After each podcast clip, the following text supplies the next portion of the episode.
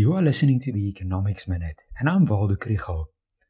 Marmite is scarce and Musica has closed, but what's going to happen to the movies?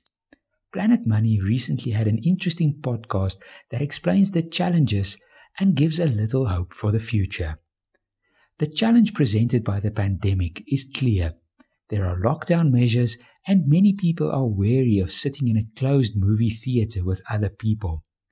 However, there are other things that make the operation of a theatre difficult.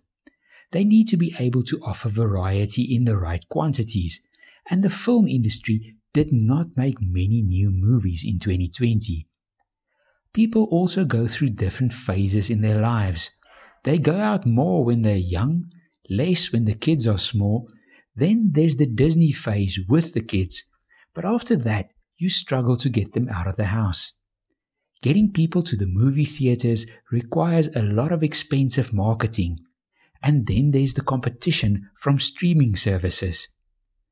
The hope lies in the fact that going to the movies is a shared experience.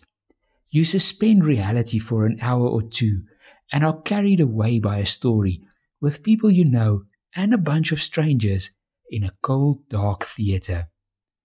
When everyone has been vaccinated and herd immunity has been achieved, people will hopefully feel like going out again and doing something normal. If you want to learn more about the economy, follow the Econ 101 page on Facebook.